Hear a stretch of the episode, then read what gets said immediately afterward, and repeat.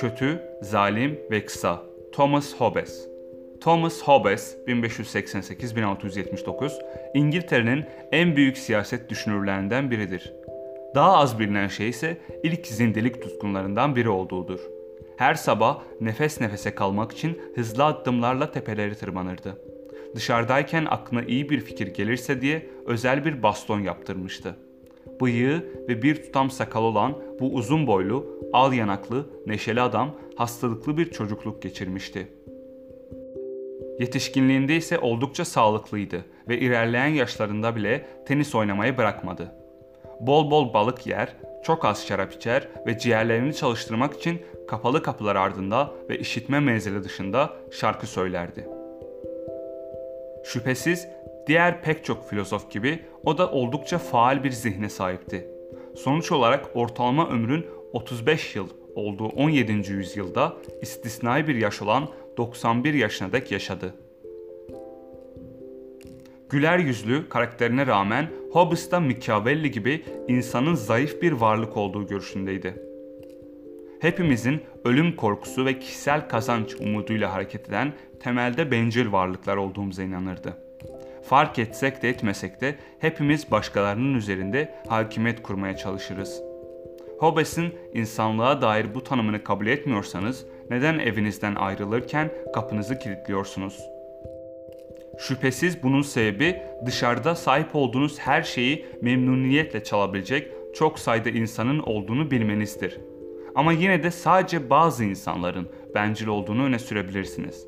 Hobbes bu konuda size katılmaz. O özünde herkesin bencil olduğunu ve kanun kuralları ile ceza tehdidinin bizi kontrol altında tutan yegane şey olduğunu düşünür. Şimdi sizinle kısa bir düşünce deneyi yapalım. Sonuç olarak toplum çöker de kanunlar ya da kanunlara uyulmasını sağlayacak biri olmadan Hobbes'ın deyimiyle doğa durumunda yaşamak zorunda kalırsanız, Hobbes sizin de herkes gibi gerektiğinde hırsızlık yapıp öldürebileceğinizi söyler. En azından hayatta kalmayı istiyorsanız bunları yapmak zorunda kalırdınız. Kaynakların kıt olduğu bir dünyada hayatta kalmak için yiyecek ve su bulma mücadelesi veriyorsanız, diğer insanlar sizi öldürmeden önce onları öldürmek gerçekten de akıllıcı olabilirdi.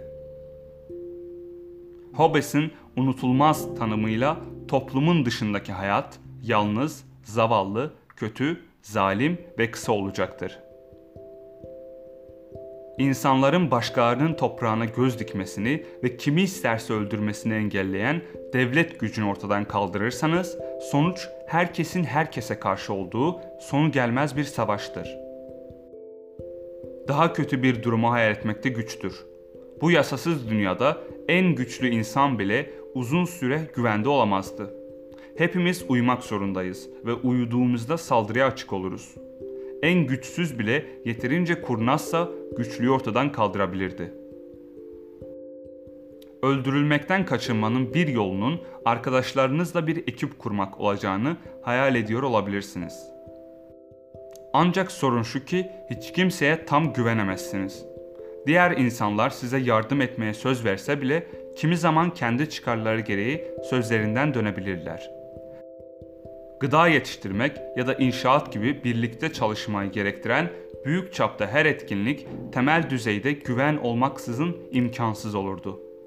Çok geç olana dek aldatıldığınızı anlamayabilirsiniz. O zamana kadar da biri sizi gerçekten sırtınızdan bıçaklamış olabilir. Böyle bir durumda sizi bıçaklayanı cezalandıracak hiç kimse olmazdı. Düşmanlarınız her yerde olabilir. Tüm hayatınızı saldırıya uğrama korkusuyla geçirebilirsiniz. Cazip bir beklenti değil. Hobbes çözümün güçlü bir bireyi ya da parlamentoyu başa getirmek olduğunu öne sürüyordu. Doğa durumundaki insanlar güvenlik uğruna tehlikeli özgürlüklerinden vazgeçtikleri bir anlaşmaya, toplumsal bir sözleşmeye dahil olmak zorunda kalacaklardır. Hobbes'ın egemen diye adlandırdığı şey olmadığında hayat bir çeşit cehennem olacaktır. Bu egemene yoldan çıkan kişileri ağır cezaya çaptırma hakkı verilecektir. Hobbes önemli kabul edebileceğimiz bazı doğal yasaların olduğuna inanmıştır.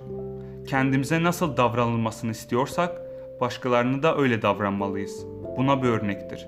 Yasalar herkesin onları takip etmesini sağlayacak yeterince güçlü bir şey ya da biri olmadığında işe yaramaz. Doğa durumundaki insanlar yasalar ve güçlü bir egemen olmadan şiddet içeren bir ölümü bekleyebilir. Tek teselli ise böyle bir hayatın fazla uzun sürmemesi olur. Hobbes'ın en önemli kitabı olan Leviathan 1651, doğa durumunun kabusumsuz konumundan hayatın katlanılabilir olduğu güvenli bir topluma geçiş için gereken adımları ayrıntısıyla açıklar. Leviathan kutsal kitapta tasvir edilen devasa bir deniz canavarıdır. Hobbes içinse devletin muazzam gücüne bir göndermeydi. Leviathan tepenin arkasında yükselen, bir elinde kılıç, bir elinde asa tutan bir devin resmiyle açılır. Bu figür birçok insandan oluşur. Dev başında bir egemenin olduğu güçlü devleti temsil eder. Hobbes bir egemen olmadan her şeyin darmadağın olacağını ve bu toplumun yerini hayatta kalabilmek uğruna birbirini parçalamaya hazır ayrı ayrı insanların alacağını düşünür. O halde doğa durumundaki bireyler birlikte çalışmayı ve barışa sahip olmayı istemek için oldukça iyi nedenlere sahipti. Korunabilmelerinin tek yolu buydu. Bu olmadan hayatları korkunç olurdu. Güvende olmak özgürlükten çok daha önemliydi. Ölüm korkusu insanları bir toplum oluşturmaya yetecekti. Hobbes onların birbiriyle bir toplumsal sözleşme yapmak, bir egemenin yasaları uygulamasına izin vereceklerine söz vermek için özgürlüklerinin çoğundan vazgeçmeyi kabul edebileceğini düşünüyordu. Herkesin birbiriyle savaşmasındansa güçlü bir otoritenin sorumlu olduğu durumda daha iyi olurlardı. Hobbes tehlikeli zamanlarda yaşadı. Hatta anne karnındayken bile. İspanya armadasının İngiltere'ye yelken açtığını ve belki de İngiltere'yi işgal edeceğini duyduğunda annesinin doğum sancısı tutmuş ve erken doğum yapmıştı. Neyse ki İngiltere işgal edilmedi. Daha sonra İngiliz iç savaşının tehlikelerinden Paris'e taşınarak kurtulmuştu. Ama asıl tehlikeyi İngiltere'nin anarşiye teslim olma ihtimalini daha sonraki yazılarında sık sık işledi. Hobbes Leviathan'ı Paris'te yazdı. Kitap 1651'de İngiltere'ye dönmesinden kısa bir süre sonra yayımlandı. Dönemin pek çok düşünürü gibi Hobbes da sadece bir filozof değil, bugün bir Rönesans insan olarak nitelendirebileceğimiz biriydi. Geometriye, bilime ve antik çağ tarihine ciddi bir ilgisi vardı. Gençliğinde edebiyat seviyor, yazıyor ve çeviriyordu. Orta yaşlarında meşgul olmaya başladığı felsefede ise insanların salt fiziksel varlıklar olduğuna inanan bir materyalistti. Ruh benzeri bir şey yoktur. Eninde sonunda karmaşık makineler olan bedenlerden başka bir şey değiliz.'' 17. yüzyılda saat mekanizmaları en ileri teknolojiydi. Hobbes bedendeki kasların ve organların bunlara eş değer olduğuna inanıyordu. Yazılarında sık sık eylemin yayları ve bizi hareket ettiren çarkları ele alıyordu.